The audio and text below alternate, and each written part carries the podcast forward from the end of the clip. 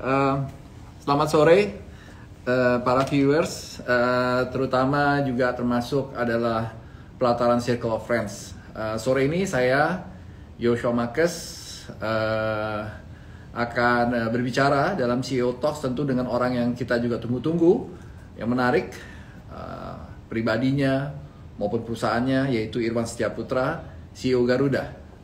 Kita akan bicara ngobrol bebas, nggak uh, ada skenario, nggak ada apa-apa. Uh, saya akan bertanya Pak Irfan, Pak Irfan juga bertanya kepada saya. Kebetulan saya juga kenal dengan Pak Irfan. Mungkin Pak Irfan udah ini ya, udah udah uh, on standby. Mungkin kita undang Pak Irfan untuk masuk ke dalam.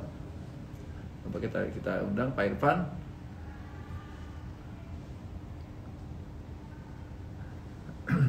saya pada saat ini sedang berada di hutan kota, uh, di ruangan um, merah putih uh, ruangan di mana khusus uh, kita persiapkan untuk kalau ada jamuan kenegaraan atau jamuan uh, bisa dicek sama tim apakah Pak Irfan sudah uh, connected. Halo. Ah, ini dia jangkauan kita. Pak Irfan, selamat sore. Sore, sore. Jelas suara saya? Dengar, dengar, dengar sekali suaranya. Jadi kalau nggak keberatan saya biasa panggil sering ketemu berapa kali kita panggilnya bro. Kalau sore ini saya panggil kakak aja gimana? Kayak bahasa di NTT. Kalau bro kan udah biasa, mas udah biasa, abang udah biasa. Kalau saya panggil om, om, kakak om, NTT om, gimana? Kakak om aja, Irfan. om. Om, Ah, siap. janganlah Om Irfan. itu enggak udah. Om, panggil atau nggak usah pakai depan lah, panggil aja Irfan Yos. Irfan. Jadi Oke. Irfan Jadi udah kita kita udah live nih, Van. Kita udah live. Oke, Eh, sip, sip, Di sip. banyak viewers di sini. Eh, mungkin kalau diperbolehkan, eh, saya rasa saya mewakili banyak viewers mau nanya sedikit dulu sama Pak Irfan. Pembukaan nih Pak Irfan. Dan Boleh, Irfan bisa boleh, tanya boleh. balik nih sama saya deh. Apa aja? Boleh. Saya jangan tanya Siap. mengenai pacar ya. jangan jangan tanya masa lalu pokoknya ya. Siap. Ya. Oh, Jadi siap. gini Om Irfan. Ya. Eh, kalau lihat dari backgroundnya eh, Om Irfan ini, ini kan dari kalau nggak salah teknik informatika ITB. Jalurnya banyak di informatika, perusahaan-perusahaan dari perusahaan segede IBM, jadi CEO-nya, Mm-mm. terus masuk juga ke BUMN, terus nyebur ke perusahaan eh, Garuda kalau nggak salah di Januari 2020 ya. Eh, Betul. perusahaan yang memiliki financial challenging tertentu. Terus kalau Hmm. kue itu dikasih akhirnya dikasih top of the line-nya dikasih apa? Dikasih COVID. Gimana tuh rasanya tuh? Irfan, eh, dengan background ini masuk ke BUMN, masuk dikasih berbagai macam tantangan setengah kiamat. Karena kita sama dalam bisnis yang sama ya, kita setengah kiamat nih dengan adanya COVID. Gimana nih Irfan? Ya, uh, sebenarnya sih uh, memang latar belakang saya kan uh, informatika lah. Uh, cuman uh, saya orang yang tahu diri ternyata saya nggak cerdas-cerdas amat gitu bikin program gitu kan, nggak ngerti-ngerti gitu loh. Uh, kuliah juga diulang-ulang terus gitu kan. jadi kuliahnya lama lagi enam setengah tahun. Jadi ya akhirnya berkelana sana sini. Saya malah pernah kerja di perusahaan tambang gitu kan. Ah, Jadi dan memang tadinya rencananya mau pensiun, mau menikmati hidup gitu kan. Eh ternyata eh, diminta ke Garuda ya saya sih merasa terhormat sambil eh, wah menarik juga gitu kan. Kita kan punya pengalaman terbang dari udah 50 tahun gitu kan. Tapi on the other side of the coin lah gitu kan dan eh, Ya. kemudian dia Ya. masuk Garuda eh, banyak teman-teman yang bilang selamat tapi hati-hati. Saya bilang kenapa hati-hati ya gitu kan. Tapi mungkin Om Yos lebih ngerti lah kenapa hati-hati gitu kan ya. Terus ya eh, mencoba menjalani terus COVID gitu ya. COVID Hmm. penumpang kita jatuh tinggal satu digit gitu ya. Terus kalau masuk kamar suka jedot-jedotin aja kepala gitu nih ngapain lagi aja ginian gitu kan.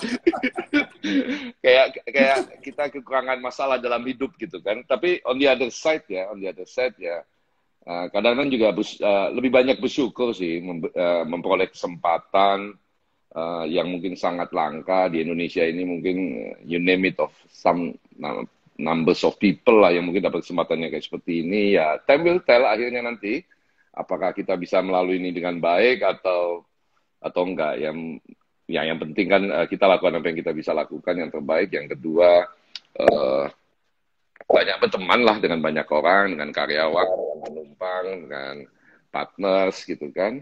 Eh, jaga integritas. Mudah-mudahan sih, eh, mudah-mudahan sih bisa kita lewati lah inilah ya. Ya, ya. Dan Ya, dan kita kan udah melewati masa-masa yang lebih gila berapa bulan awal-awal itu kan waktu kita pernah ketemu nih ini gimana ya kita bisa lewatin ini enggak ya? Tapi Betul. eh, hari ini saya masih di rute Garuda, mestinya si klasifikasinya lu apa lumayan berhasil melewati awal-awal pandemi ini ya. Ya, ya. Gitu. Jadi kalau secara singkatnya saya bisa katakan this is the survival of the fittest. Dan sampai saat pada saat ini ya the fittest sampai saat pada saat ini puji syukur dari Tuhan Maha Kuasa eh, Garuda dan juga Pak Irfan dan timnya semuanya eh, survive. Eh, kami juga Ya. pelataran dan satu hal nih eh, Bro Hmm, Irfan, hmm. kita ini memiliki kesamaan sebenarnya antara eh, pelataran Indonesia dan Garuda Indonesia. Yang Hmm, pertama tentu hmm. dari kata belakangnya dua-duanya ada Indonesianya Indonesia. Ya. Heeh. yang yang simple. Yang kedua yang paling penting, kita Hmm. memiliki identity atau jati diri dan identik dengan Indonesia. Hmm. Kalau kita Ya, bicara betul. Garuda, kita bicara an airline of Indonesia. Kita bicara Hmm, adalah hmm. kebanggaan Indonesia. Kalau Betul. kita bicara pelataran Indonesia, kita bicara Hmm. an icon of Indonesia. Jadi kita memiliki Hmm. kebanggaan bersama dan saya rasa Hmm. kalau bisa setuju sama Bro Irfan, itu merupakan salah satu kunci kita bisa terus melewati tantangan yang setiap hari kita alami dalam masa Hmm, pandemi. hmm. Gimana Betul. kira-kira Bro Irfan? Betul. Jadi memang memang eh, eh, terlepas dari semua kesulitan ya, semua ini, eh, I think one of the interesting thing yang eh, yang ada di Garuda ini dan mungkin saya pikir juga sama dengan Om Yos ya gitu ya bahwa eh, strangely ya eh, begitu banyak masyarakat Indonesia mencintai Garuda. Saya juga kadang-kadang juga eh, eh, apa surprise lah, kagum juga bagaimana sebuah perusahaan seperti ini itu pencintanya begitu banyak orang yang begitu fanatik lah ya dengan Garuda. Kalau mau ke mana-mana terbangnya maunya sama Garuda. Dan I believe itu ada some experience lah ya ke eh, apa ke pengalaman masa lalu ya. Sorry ini ada ada belum. Huh? Bapak di ini belum. Jadi Oke. kita ganti wifi dulu. Eh, eh, saya boleh ganti wifi dulu sebentar nggak ya? Ini Boleh, ada boleh, sedikit, boleh. sedikit situasi yang mungkin No problem, pas, nggak, no nggak problem. pas lah. Bentar ya. Kita on standby, Bentar, ini- no problem, Ini no worries. ini muka saya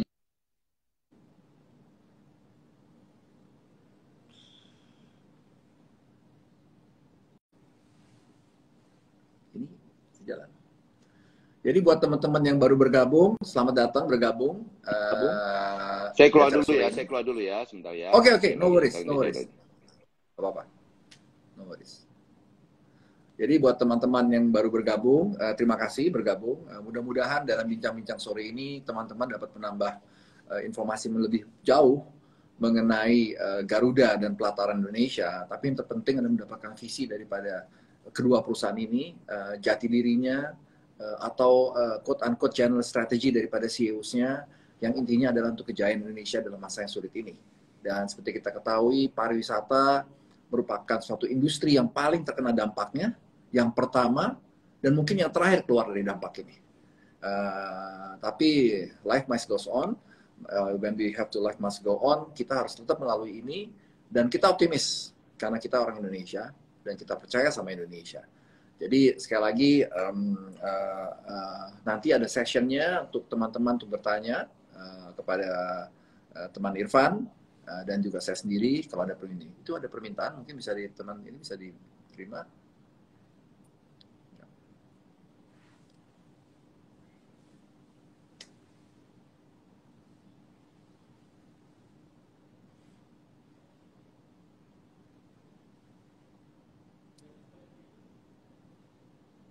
Sudah masuk tim IT kita, Pak Irfan.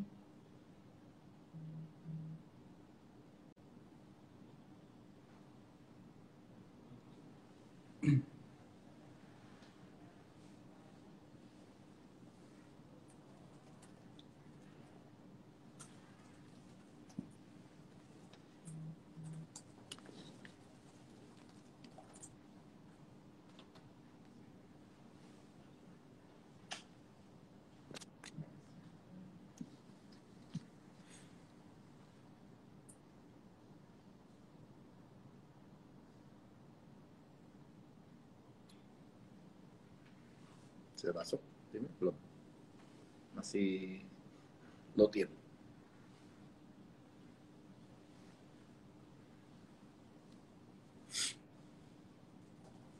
berapa jumlahnya?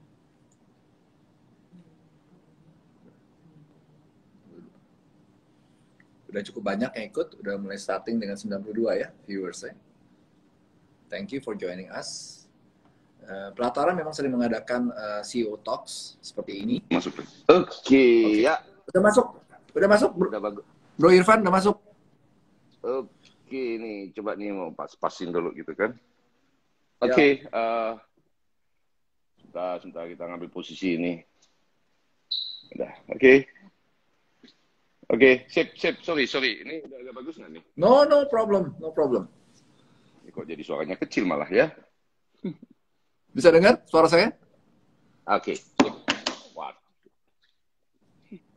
Sorry, sorry. Aduh, soalnya nih pas posisi Oke. penjepitnya itu di Take your time. Take your time.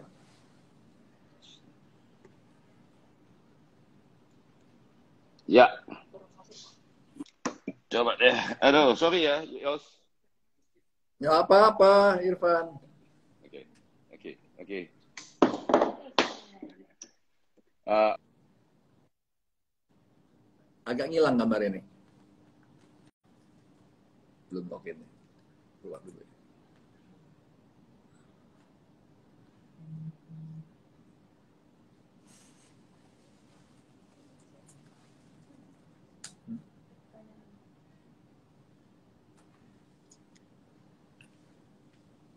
Udah? Masuk? Pak Irfan, are you in?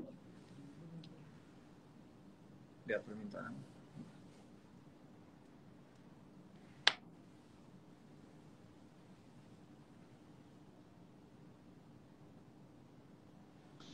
hah,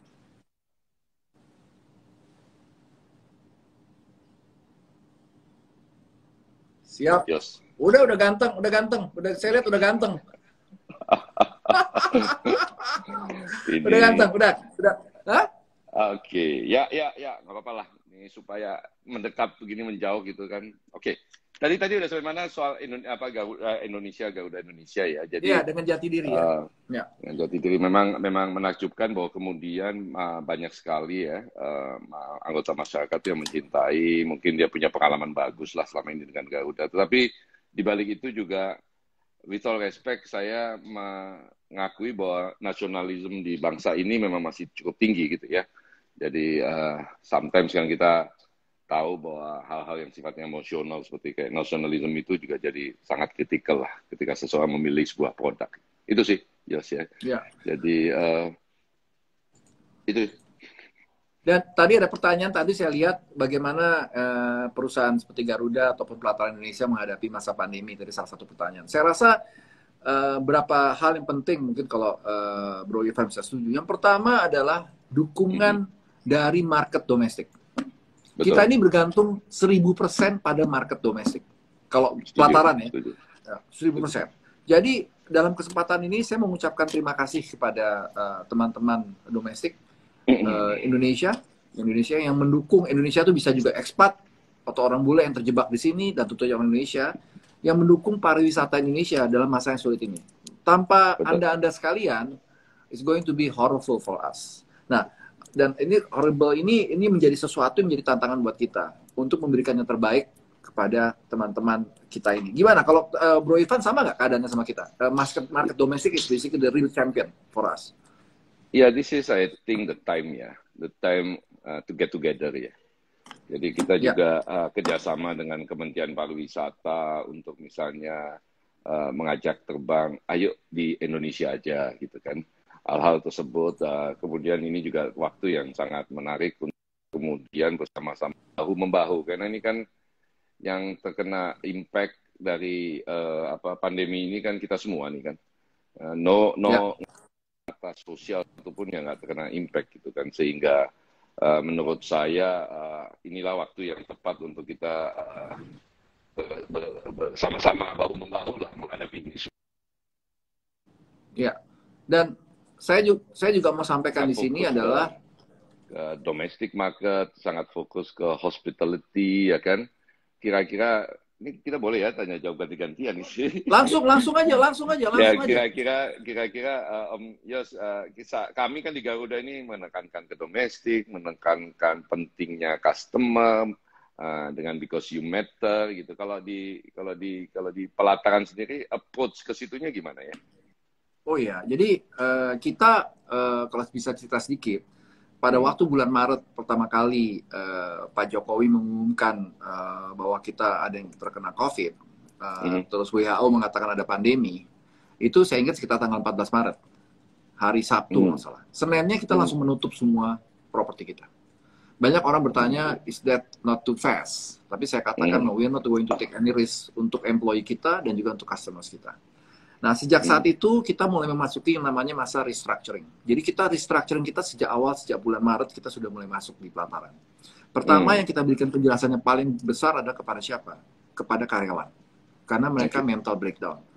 Ya, karena seperti eh, eh, Bro Ivan ketahui, kita sedang berjalan cepat seperti di jet coaster. Dan pada saat tertentu saat itu kita menarik rem darurat sehingga jet coasternya berhenti. Sedangkan mesinnya masih berjalan lebih kencang. Jadi kita memberikan Hmm, mesin hmm. penguatan dulu kepada tim kita. Kedua Oke. kepada para suppliers kita. Nah, Hmm. pada saat itu adalah masa yang kelam ya, saya ingat ya. Kalau mungkin kalau Bro Ivan ingat keluar kita di minggu ketiga Maret itu kita keluar Jakarta tuh gelap. Iya. Suasananya gloomy sekali. Kalau nggak salah pada saat itu ada satu artis yang meninggal, kalau nggak salah siapa Glenn uh, Glenn Fredly ya meninggal. Itu suatu masa yang sangat kelam, terutama buat saya Mhm. pribadi. ya. Hmm. Uh, tapi saya bilang sama anak-anak, kita orang yang beriman, kita do the Hmm. restructuring, ya kan? Uh, operational, finance, and marketing, we do the restructuring immediately. Hmm, April, oke. Kita sudah keluar dengan program yang namanya program uh, apa? Rainbow Program, program pelangi.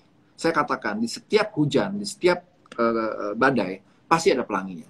Nah, penekanan pelangi itu adalah program-program pelataran yang memfokus pada market domestik karena kita tahu bahwa market uh, internasional akan memakan waktu cukup lama.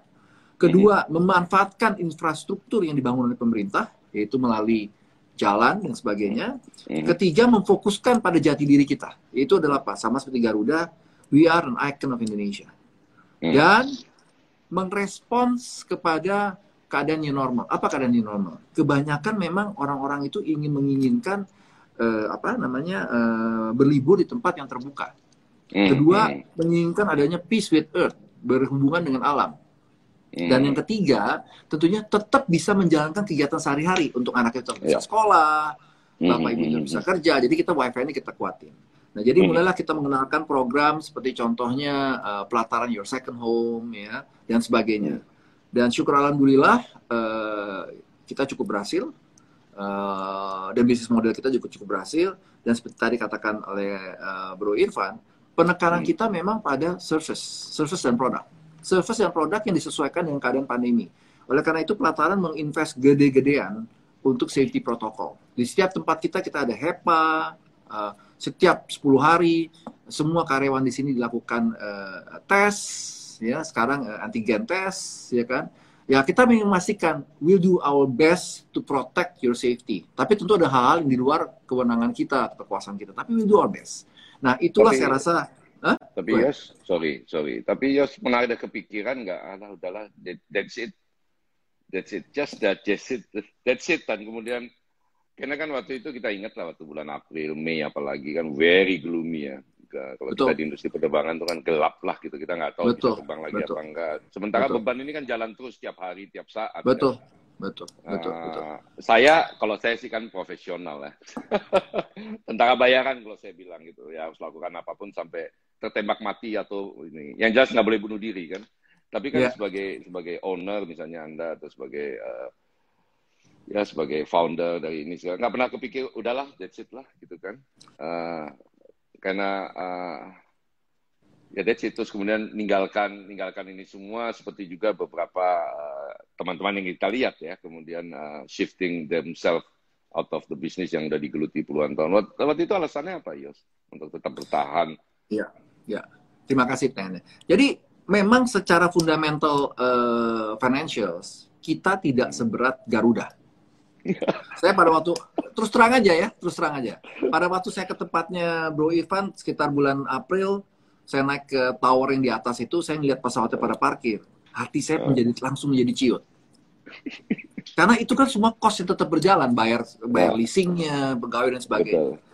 Kita juga hal yang sama, tapi secara fundamentally financial kita tidak seberat karena magnitude kita, bisnis kita, bisnis model kita dan sebagainya. Hmm, Tapi hmm, yang terutama yang membuat kita kuat adalah hmm. tanggung jawab kita kepada tim kita. Karena Oke. tim kita di Pelatar itu sangat militan dan eh, mereka eh, pada waktu kita melakukan restructuring termasuk penyesuaian gaji tidak pernah ada yang menanyakan "Oh, kenapa begini, kenapa begitu. D benar-benar dengan ikhlas. Itu yang membuat kita kuat berjuang bersama-sama dengan tim kita melalui itu. Saya rasa Hmm. itu yang paling penting dan kebetulan juga memang eh, kita menderita tapi kebetulan penderitaannya tidak terlalu lama karena memang bisnis model saya, eh, eh, pelataran ini membantu kita. Jadi memang magnitude kita memang tidak seberat Garuda. Saya kalau ngeliat Garuda memang ini mestinya nyawanya mesti nyawanya mesti 10, nggak boleh dua. Dua udah keburu mati, 10. Ya kan? Kalau di pelataran mungkin Iya. nyawanya tiga udah cukup. Tapi kalau di Garuda mesti 10 atau ya double digit lah pokoknya nah nyawanya gitu.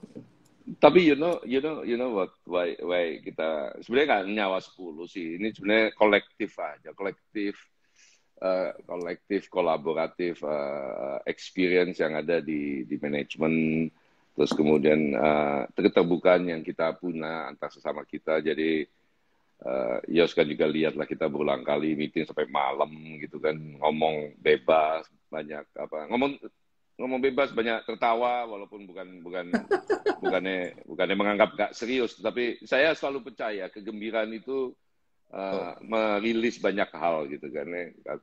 daripada kita setiap hari gini terus kan mendingan kita tertawa-tawa kesannya Betul. memang nggak terlalu serius tapi sebenarnya yang dipikirin dan diomongin serius gitu nah kolektif kita ini yang membuat kita ini percaya bahwa yang pertama memang waktu itu gloomy jadi saya dan beberapa teman-teman di direksi ya, atau semua direksi lah pada waktu itu sepakat udah deh kita nggak usah ngeluh lah. Karena sempat di beberapa meeting nih kalau begini gimana kalau begini gimana kalau bagaimana nih kok gini ya nih kok gini ya? Pertanyaan-pertanyaan yang kita juga nggak tahu jawabannya gitu kan. So akhirnya kita sepakat untuk never ask that question anymore. Terus ya terus ya sudah kita take aside aja situasi hari ini kita dan kita sepakat dengan satu tema kita nggak usah ngeluh. Karena mengeluh itu tidaklah membawa perubahan apa apa kan?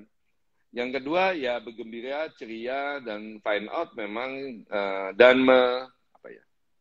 Dan meneruskan ini ke teman-teman yang lain gitu kan? Eh, tapi memang juga mesti kasih contoh memang dari hari pertama eh, pandemi diumumkan Pak Presiden tuh kita nggak pernah bergeming di kantor. Jadi hampir semua direksi itu nggak pernah nggak ke kantor setiap hari pulang tengah malam gitu kan. Eh, kita bersepakat menyelesaikan apa yang kita bisa selesaikan hutang piutang negosiasi yang dan segala macam. Tetapi eh, yang paling penting kan adalah bahwa kita tidak ngeluh jadi memang saya juga belajar banyak dari proses pandemi ini bahwa memang semuanya akhirnya bukan kecerdasan kecerdasan memang ada perlulah sedikit cerdas lah. Nggak perlu jangan terlalu cerdas juga gitu kan. Eh, tetapi punya akal sehat lah. Saya selalu bilang itu. Yang kedua tetapi yang penting ada ada ada semangat kan. Dan uh, saya pikir kita pelataran dan Garuda nama dan juga apa yang disampaikan tadi apa yang dilakukan di pelataran kan sebenarnya kan menunjukkan bahwa kita pada waktu gloomy tetap bersemangat karena karena one day or another way kita percaya bahwa akan melewat juga ini kan? Betul. walaupun kita nggak tahu kapannya. Yang belum kita tahu jawabannya kan kapannya. Tapi bahwa pasti lewat pasti lewat. Tapi kan kita nggak pernah tahu kapannya. Jadi saya minta semua waktu itu ya udahlah kita kerja keras saja lakukan apa yang bisa kita lakukan. Dan yang terakhir tentu saja ya terus berdoa. Kalau orang udah kerja keras terus sholat eh, terus berdoa masa sih Tuhan nggak nolong? Kan gitu kan? Betul. Betul. Betul. Gitu sih. betul. Betul. Nah, Saya rasa eh, menarik tuh Kak. sorry kalau kalau kita di Garuda ini kan percaya bahwa yang akan menyelamatkan kita itu kan penumpang ya Hmm. Eh, bu- bukan produk lah, bukan eh, eh, bukan bukan bukan bukan juga pem- eh, bukan juga pihak-pihak yang lain, tapi kita sangat percaya bahwa penumpang lah yang akan eh, mempercepat recovery kita. Dan kalau di di mana di pelataran lihatnya gimana tuh? Apa sih yang paling Oh penting iya. yang Ya, jadi pe- pertama dulu saya mau jawab ya bahwa eh, leadership itu speaks pada saat yang kita mengalami keadaan yang sangat eh, very much eh, mentally stressful. Itu leadership kita akan diuji di situ. Bagaimana kita terhadap tim kita pada saat pandemi, kita kadang-kadang terpaksa kita tetap harus ke kantor. Kita harus muncul, tidak harus WFH, kita harus muncul ke kantor, tetap menjaga uh, apa uh, 3M itu. Kedua, tetap berpikir jernih dan saya setuju banget tuh Bro Ivan. Kalau kita bikin stres-stres gini, udah lah mampus aja deh lo. Mati aja lo udah. Ya kan? Kita kadang-kadang mesti bilang ya udah deh. Ya, ada, uh, is there any kalau saya ketemu orang juga kadang ada telepon saya, "Jos, how's your company?" Saya bilang, "Is there any worse than this?"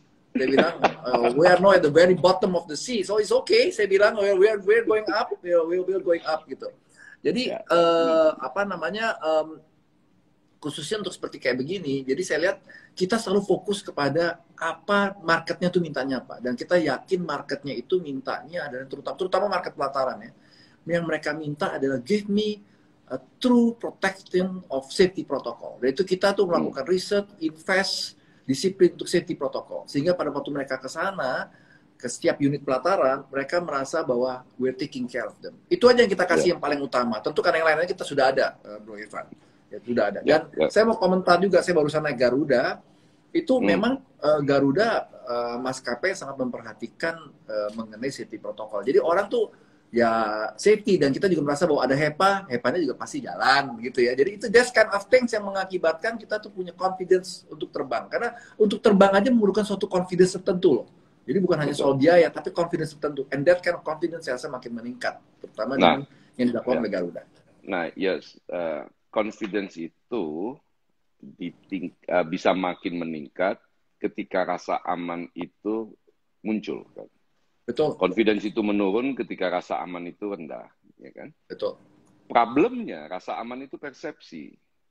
Ya. Bukan fakta. Kita bisa ngomong ya. HEPA di di banyak riset menyatakan bahwa tidak ada satu orang pun di pesawat atau kalau mau dibilang 0,000 sekian persen yang tercemar misalnya virus. Ya. Tetapi persepsi kan mengatakan distancing adalah sebuah cara yang memastikan bahwa penularan itu tidak terjadi kan. Jadi ya. memang ya. uh, kami di Garuda akhirnya juga seperti juga Anda gitu ya. Uh, karena penumpang adalah yang kita percaya akan menyelamatkan kita, mempercepat kita recovery, kita juga akhirnya percaya bahwa bagaimana kita akhirnya mau melakukan apa pun untuk memastikan penumpang mulai terbang lagi kita ya. temukan yeah. alasan penumpang nggak terbang adalah confidence yang masih rendah. Oleh sebab itu yeah. kita campaign yeah. terus nih soal rasa aman ini segala yeah. macam.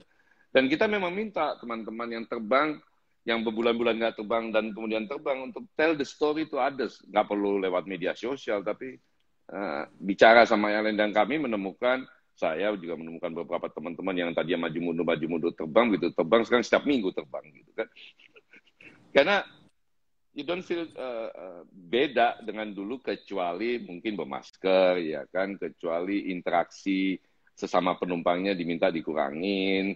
Uh, kalau nggak perlu perlu amat ya udah duduk manis saja gitu. Nggak terlalu ini kok nggak terlalu nggak terlalu mengganggu ya dalam uh, interaksi kita. Apalagi kita punya kepentingan tertentu menuju ke satu tempat gitu kan. Dan moving forward uh, Yos uh, walaupun nanti vaksin sudah ada sudah mulai di ini Eh, kami di Garuda tetap sepakat bahwa uh, confidence itu mesti dipertahankan, jangan pernah sekalipun turun, ya kan? Dan kemudian adalah protokol itu tetap akan kita jalankan sampai orang semua merasa sudah cukup relief gitu kan. Jadi itu sih karena uh, sekali kita punya problem dengan safety atau rasa aman itu dan recovery-nya akan kita pun susahnya gitu kan. So kita juga invest heavily di situ. Jadi rasanya untuk area itu kita cocok dan I think so far it's showing the result ya. Ya Yosi ya. ya. Mudah-mudahan banyak ya. teman-teman yang sekarang kalau mau terbang udahlah saya maunya terbang sama Garuda aja udah pasti aman gitu kan. Udah nggak udah nggak ya. kanan kiri lagi gitu kan. Ya. Dan udah ya, nggak ya. nanya ya. lagi gitu kok mahal gitu ya. Sama kalau kita ya. ke pelataran makan di pelataran kan uh, bertanya makanan ini harganya berapa kan bukan sebuah pertanyaan yang pantas gitu kan. ya, ini juga saya penting nih saya mau sampaikan pada uh, Bro hmm. Ivan nih. Saya nggak tahu apakah pernah ada research atau mengenai hal ini. Tapi sepengetahuan saya, saya belum menemukan suatu uh, findings bahwa ada orang kena COVID karena dia terbang naik pesawat. Itu dulu. Karena kan secara theoretical, sebenarnya orang yang terbang naik pesawat, dia kan mesti melakukan kan rapid test dulu at least. Itu yang pertama. Kedua, dia di dalam dia udah udah di alarm macam-macam. dia pakai ini segala sebagainya. Dan saya terus terang aja nih, uh, uh, Irfan nih, saya kalau terbang, saya selalu bilang sama pramugarinya, Mbak, aku mau tidur ya. Jadi saya tuh nggak terima makanan, saya tutup mulut saya dengan uh, hidung saya dengan masker, biasa ke orang kampung kasih juga uh, minyak kayu putih di dalamnya, ya kan? Saya tidur, saya nggak mau ngapa-ngapain. I just go ya. sleep, yeah. saya nggak talk, nggak ngapa-ngapain. Akhirnya berdoa sama Tuhan. Saya bilang, ini saya pergi ke sini nggak aneh-aneh nih. Tolong jaga gue, masa gue nggak dijagain sih. Dan uh, syukur alhamdulillah, saya masih tidak pernah mendengar ada orang kena COVID karena dia terbang. Karena memang kan kalau nggak salah ini mumpung uh, Bro Irfan di sini, kan pesawat juga punya punya sistem HEPA juga kan. Betul kan pesawat Garuda kan? Iya kan? Ya, ya, ya. Jadi memang uh, uh, kita implement HEPA, plus kemudian banyak protokol lah pembersihan secara regular, terus kemudian uh, tim kita juga uh, very protective, walaupun uh, tidak mengesankan berada dalam uang apa uang operasi bedah. Kita kita nggak mau juga um, apa awak kabin kita dipakaikan hazmat gitu ya, yang biasa-biasa aja. Uh, dan uh, memang sudah ada riset kalau nggak salah MIT kalau nggak salah yang mengeluarkan bahwa memang 0,00 sekian persen gitu. Jadi kecil sekali lah dari uh, kemungkinannya untuk untuk terpapar. Tapi memang kan kita selalu precautions lah ya. Dan kita juga menyaksikan banyak penumpang-penumpang kita itu yang mungkin yang biasa yang pertama-tama atau memang mereka punya disiplin yang ketat gitu. Jadi memang uh, dikasih makanan nggak uh, dia bilang saya nggak makan ya ke toilet pun nggak gitu kan. Jadi just duduk terus kemudian pakai masker, pakai facelift. Dan menurut saya itu wajar aja gitu kan sangat-sangat wajar dalam dalam kondisi kekinian gitu kan. Uh, tetapi memang biar bagaimanapun yeah. akan selalu ada peluang-peluang kan dan ini yang kita selalu ingatkan. Misalnya contohnya masuk ke toilet kamar toilet pesawat ya. Karena kita merasa berada dalam ruangan sendiri terus kemudian kita lepas maskernya. Padahal itu nggak boleh. Jadi kita selalu ingatkan Pak Bu uh, nanti di dalam toilet jangan dilepas. Yang kedua uh, semua orang yang naik pesawat itu kalau masuk toilet suka meriksa-meriksa gitu kan apakah ada souvenir yang bisa dibawa kelulang gitu-gitu segala macam jadi uh, ya kita ingatkan bahwa uh, apa tolong cuci tangan karena memang ada area-area yang uh, menjadi tempat bisa bersentuhan uh, disentuh oleh beberapa orang gitu loh jadi uh, awak kabin kita juga biasanya kalau orang udah keluar dari toilet mempersilahkan kembali untuk uh, menggunakan uh, hand sanitizer sih. tapi ya. hari ini si Yos ya uh, pengalaman udah berapa saya sendiri udah lima kali terbang gitu kan. Hari ini kita penerbangan di atas 200 per hari gitu kan ya. Jadi I think uh, we all getting better and better dalam soal ini.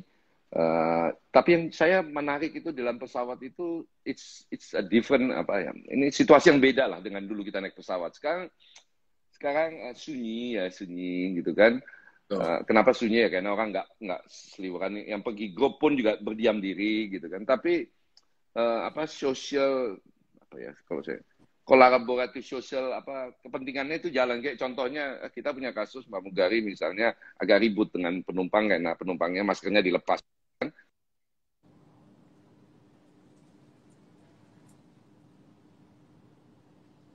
gitu kan? Ya penumpangnya agak ribut gitu agak-agak naik darah gitu kan dan uh, surprisingly penumpang yang lain ikut ikut belain gitu ya karena uh, dan apa dan mereka menyampaikan bahwa Pak tolong dipakai karena ini bukan cuma buat Bapak buat kita juga semua gitu loh. Jadi sikap kekeluargaan bersama itu makin lebih kelihatan, makin membaik lah gitu kan. Dan I think pandemi itu mestinya memberikan kita pelajaran-pelajaran berharga bagaimana berinteraksi, bagaimana bersosialisasi dan taking care each other dalam kondisi-kondisi tertentu gitu kan. Kayak sekarang juga mulai menarik gitu, turun dari pesawat gantian satu-satu. Kalau dulu kan zret, semuanya berdiri gitu kan. Sekarang sabar satu-satu. Uh, ini mudah-mudahan memberikan warna yang baru lah ke depannya. Yes ya. Kalau uh, nah ini agak-agak sedikit ini uh, Yos boleh nanya. Kemarin kok tiba-tiba bisa dapat gitu namanya marketing champion gitu, industri penghargaan itu uh, itu gimana ceritanya khusus untuk tourism dan hospitality sector karena agak agak agak interesting ketika pelataran dapat ya karena ya. biasanya kan uh, jenis-jenis yang mendapatkan itu yang di area-area yang bukan yang sejenis pelataran pernah dapat tapi why why uh, why do you get it ya gitu kan. Oke. Okay. Uh, jadi tentu ini dilakukan oleh Mark Plus dengan beberapa juri, uh, CEO-CEO dari BCA, juga dari bekas uh, Pak Ari Jaya dan sebagainya. Saya rasa salah beberapa poin yang penting dari mereka yang mereka lihat adalah industri turisme ini, pariwisata ini bukan industri yang paling terdampak. Ya. So dia akan melihat bagaimana reaksi dari playersnya yang paling proaktif menanggapi itu dalam waktu satu, waktu yang singkat, dua produk yang efektif. Dan ketiga result oriented. Proven. Hmm. uh, mungkin Bro Ivan akan sangat terkejut melihat pelataran. Dengan adanya pandemi ini memberikan berkah juga pada pelataran. Ini menarik. Kenapa? Hmm. kita punya uh, direct booking itu sekarang naik dari 49,8 persen. Berarti Hmm. orang ke pelataran itu memang berdasarnya karena adalah brand.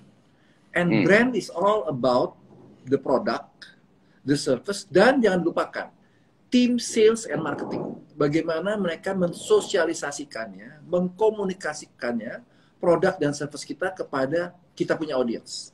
Bahwa ini perusahaan Indonesia, produknya Indonesia, it's all about Indonesia. Dan menceritakan produk-produk baru yang cocok dengan new normal. Apa itu normal? Adalah satu adalah tadi seperti saya katakan, selalu keluar. Kedua, engagement dengan apa? Dengan nature. Ya, Nah, ini yang kita melihat market seperti ini, ini yang kita fokuskan secara cepat. Tadi saya katakan bulan Maret kita kena, bulan April kita sudah keluar dengan produk-produk yang siap launching. Begitu di bulan eh, Juli, Agustus sudah mulai dibuka, itu ibaratnya kalau pesawat itu udah di udah di apa udah di geladaknya pesawat apa di kapal induknya semuanya udah kayak katapel ditembak-tembakin semua pesawat itu semuanya dia terbang semua langsung that's what we are doing. Nah kenapa kita bisa begitu? I have a great team. Tim kita memang kuat sekali militan sekali. Dalam masa sulit kita melakukan seperti yang Bro Ivan lakukan adalah hampir setiap hari kita mengadakan meeting. Apakah itu Zoom call apakah direct meeting. Dalam masa yang kelam seperti itu. Di mana saya ingat karena ada meeting itu semuanya semuanya dalam masa ketakutan. Karena gelap Jakarta semua aduh keadaannya pokoknya very devastating. Tapi eh, kita terus fight jadi begitu itu dibuka ibaratnya seperti orang kebelet kencing mau langsung mau ke toilet. Wah semuanya lari dan market kita juga memang menunggu produk-produk kita yang sudah kita sosialiskan sudah jauh-jauh hari. Dan plus ini penting juga nih eh, Bro Ivan. Ini satu poin yang penting. Saya rasa tanpa kebersamaan kita khususnya BUMN dan swasta dan masyarakat dan pemerintah sebagai regulator, I don't think we can make it. Kita bisa seperti begini juga terus terang aja, saya lagi karena market domestik, support dari misalkan BUMN seperti Garuda, kita bikin produk ingat dari Desi, Indonesia Hmm. Destinasiku bersama-sama untuk menaikkan profil kita bersama, memberikan service yang lebih, dan juga tentunya adalah berbagai macam dukungan infrastruktur yang sudah ada. Kalau nggak ada ini, I think prioritas. Dan kebetulan ada ada hibah juga. Saya nggak tahu nih kalau kalau kalau Garuda dapat hibah. Kita juga setiap industri pariwisata masing-masing dapat hibah tuh dari pemerintah. Hmm. Walaupun jumlahnya nggak besar, tapi memberikan suatu eh, token tanda we are at your back. Gitu. Ya, Kira-kira betul. begitu. Kira. Betul, betul, betul. Saya pikir juga uh, with all respect sih memang uh, ini uh, kolaborasi ya, sinergi. Saya nggak mau ngomong BUMN, ansih BUMN atau swasta. Tapi menurut saya sih sinergi banyak perusahaan di Indonesia plus kemudian uh, mungkin uh, Yos juga kan pernah berinteraksi sama orang-orang pemerintahan lah zaman-zaman dulu. Saya hari ini suka kagak kagum-kagum melihat mereka Zoom dari jam 7 pagi sampai jam 11 malam gitu kan.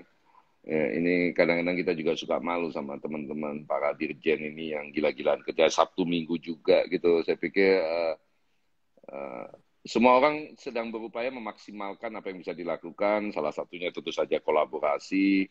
Uh, memang uh, banyak industri atau banyak segmen industri tertentu itu memperoleh bantuan dukungan dari pemerintah. Uh, saya terlibat di banyak diskusi. Poin yang saya selalu sampaikan adalah marilah kita cari sebuah industri kalau kita mau mau mau, mau dukung industri yang memang uh, impact uh, sosial lapangan kerjanya cukup banyak gitu kan. Dan tourism sama hospitality ini kan industri yang melibatkan banyak sekali orang gitu kan sehingga uh, ini bisa menimbulkan impact positif ke mana-mana gitu kan.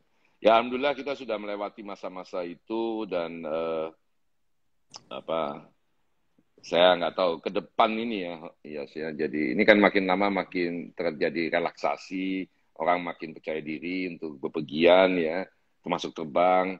Memang here and kadang-kadang ada sebuah situasi di mana diketatkan.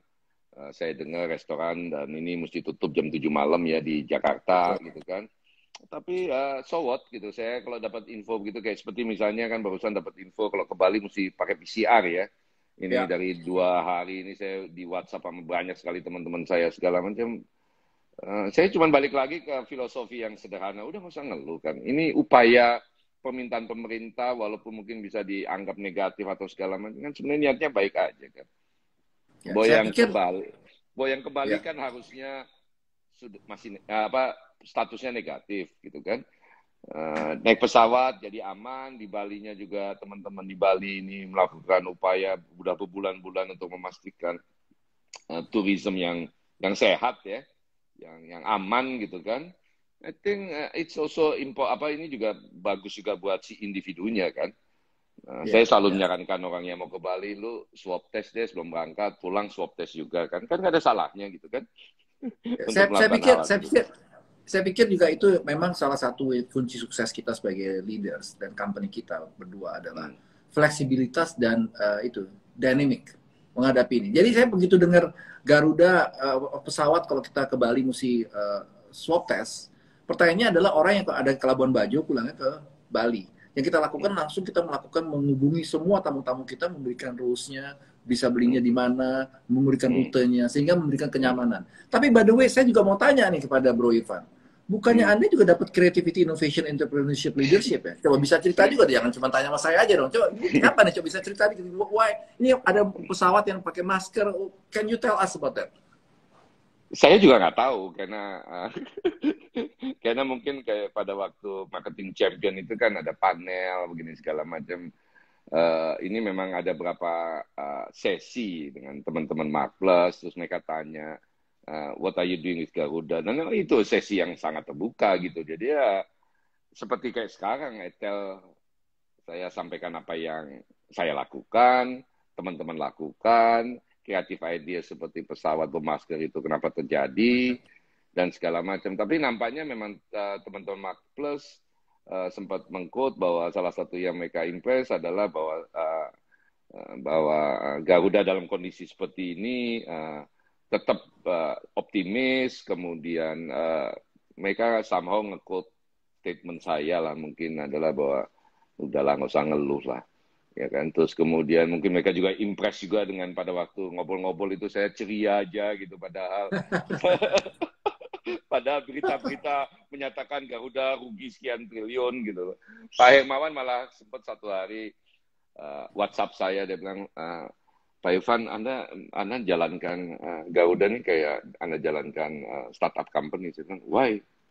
Enggak, soalnya uh, apa profitability-nya uh, belasan triliun minusnya, tetapi kok harga saham naik gitu kan. oh, saya cuma bilang mungkin orang pemain-pemain saham itu melihat potensi kan kalau startup kan melihatnya potensi bukan fakta Ya, kan. Ya. betul. Itu sih dan pada waktu kita diskusi dengan Mark Plus ya saya sampaikan beberapa inisiatif-inisiatif waktu mereka tanyakan soal apa soal masker itu saya eh, dan segala macam uh, the foundation yang saya jawab is not about the masker it's about the uh, uh, apa the initiative yang yang datang dari internal kemudian the respon yang di uh, kita terima dari masyarakat uh, dan uh, inisiatif-inisiatif lain-lainnya yang kita lakukan terhadap itu. Tetapi juga mungkin mereka juga uh, apa juga juga mungkin menerima the ideas bahwa bahwa uh, value proposition yang kita sampaikan ke publik dengan because you matter dengan lebih mencoba memahami kemauan pelanggan tidak lagi fokus ke our product ya kan tapi lebih fitting dengan apa yang maunya pelanggan itulah yang mungkin uh, membuat mereka memberikan penghargaan ini. Dan buat saya sebenarnya simple aja penghargaan ini juga sebelumnya kita dapat BUMN Award banyak gitu ada lima saya juga surprise juga gitu kan. Tapi ini penghargaan-penghargaan ini menurut saya ini kan sebuah apresiasi terhadap uh, apa ide-ide gagasan-gagasan yang kita sampaikan ke publik itu ternyata diterima oleh publik. Karena yang paling penting kan itu, Yos ya. Ya. Ketika kita Jadi punya saya- ide segala macam Ya. itu bisa Jadi diterima, memang gitu kan. memang eh, Garuda ini kan perusahaan publik.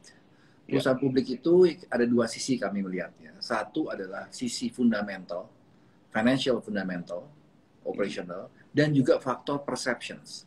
Nah, ini yang harga saham itu banyak ditentukan oleh dua hal itu. Kadangkala perception itu mengalahkan fundamental karena mereka melihat bicara mengenai prospek dan bicara mengenai growth maupun bicara mengenai effort dari manajemen. Nah, hmm. jadi kalau tadi, tadi uh, Pak Irfan bilang harga sahamnya naik, mungkin itu merupakan suatu apresiasi terhadap persepsi tertentu dari masyarakat atas apa yang dilakukan oleh manajemen Garuda ataupun dilakukan oleh timnya.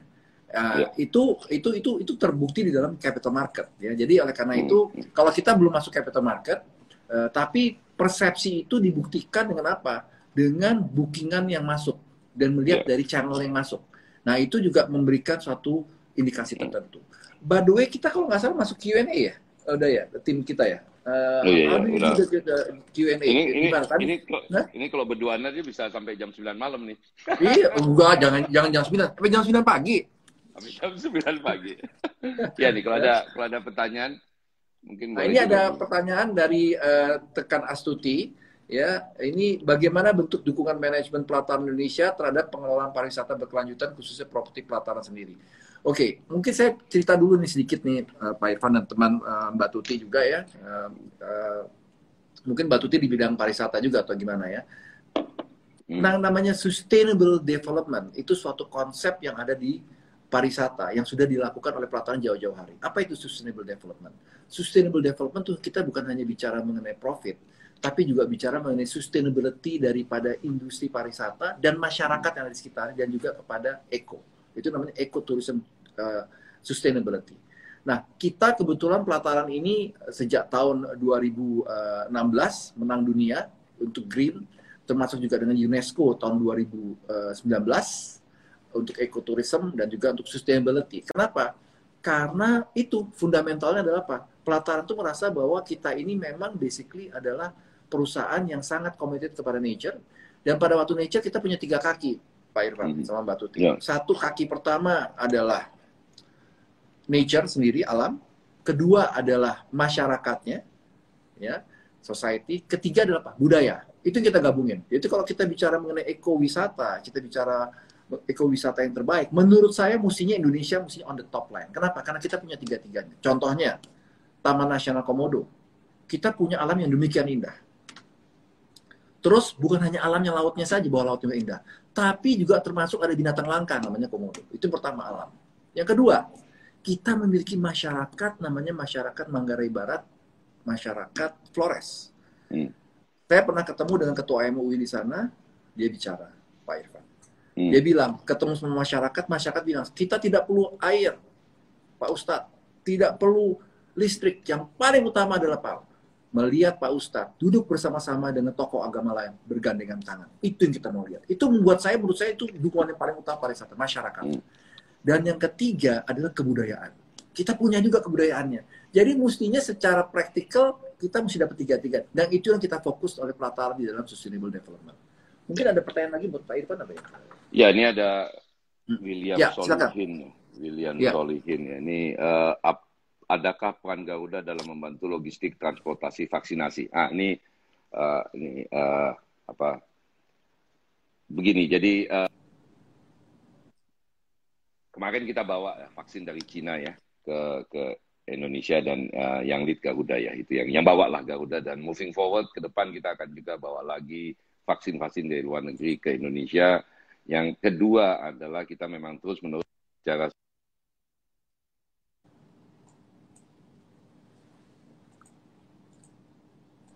ya gitu kan. So uh, itu itu itu itu itu satu hal lah. Tetapi buat kami soal distribusi ini tentu saja diminta atau tidak diminta kita akan menyediakan diri.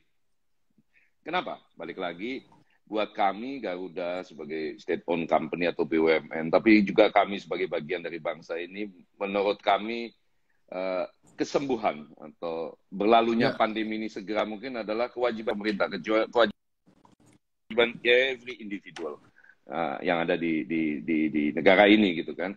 Artinya ketika Garuda memang bisa menyediakan diri untuk mensupport, sudah tentu kita pasti akan mensupport. By the way, beberapa bulan yang lalu kita duluan malah sebelum uh, urusan vaksin ini dibawa, kita mengambil sertifikasi karena bawa produk pharmaceutical ini nggak mudah.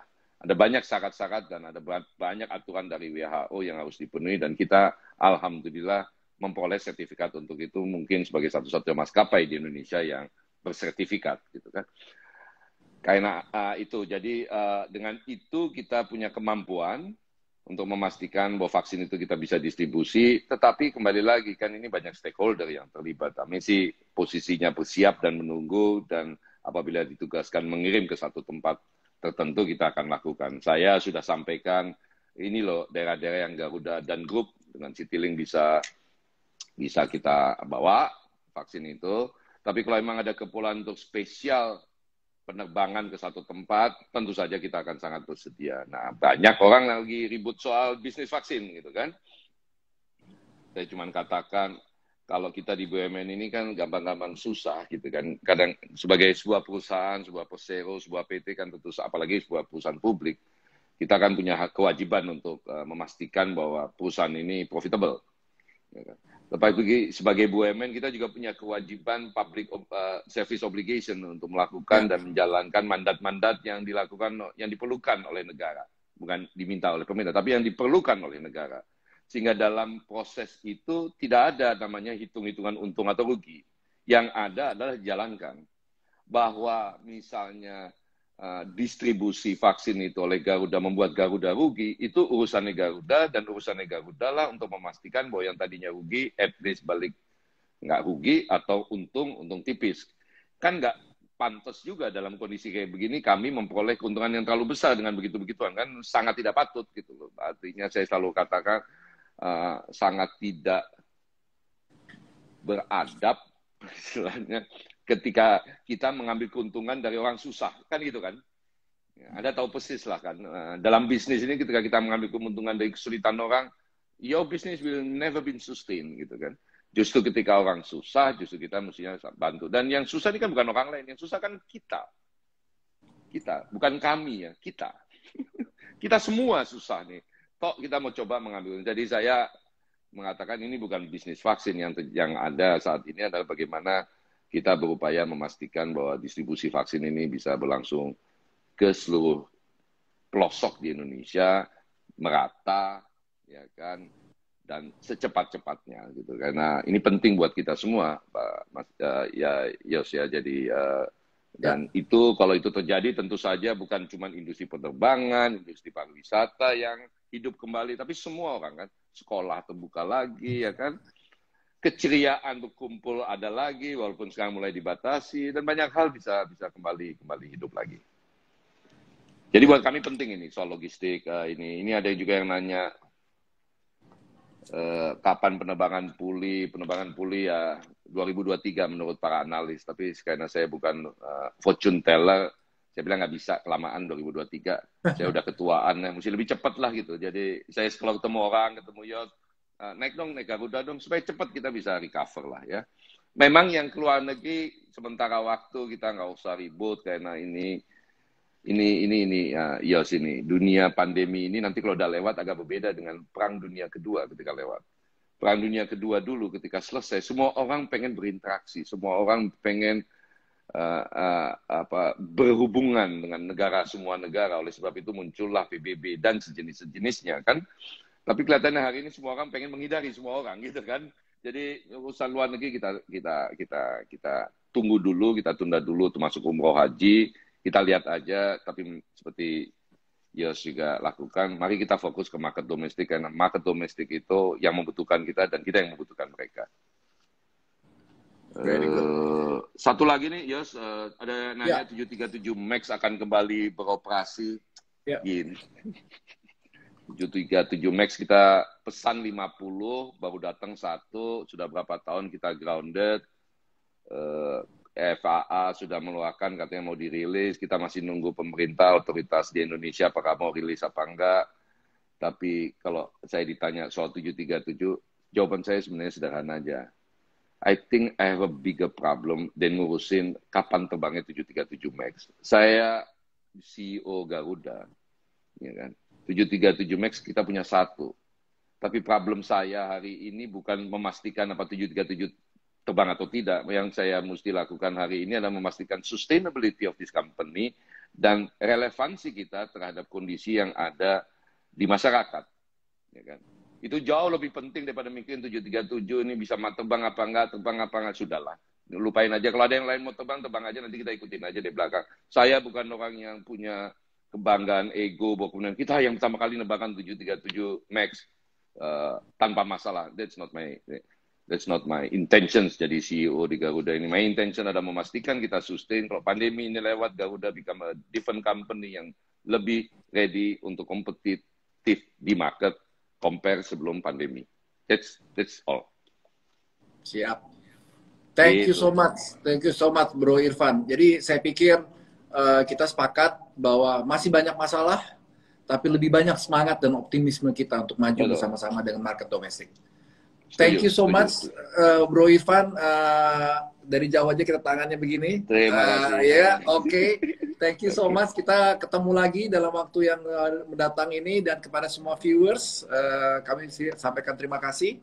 Uh, pertama atas dukungannya dan untuk juga uh, join in dalam uh, acara ini. Selamat yeah. selamat uh, sore dan sampai bertemu kembali. Bye. Selamat sore, bye. Dan segera terbang bersama Garuda ya. Siap. Siap. Thank you, thank you, thank you, thank you. Thank you.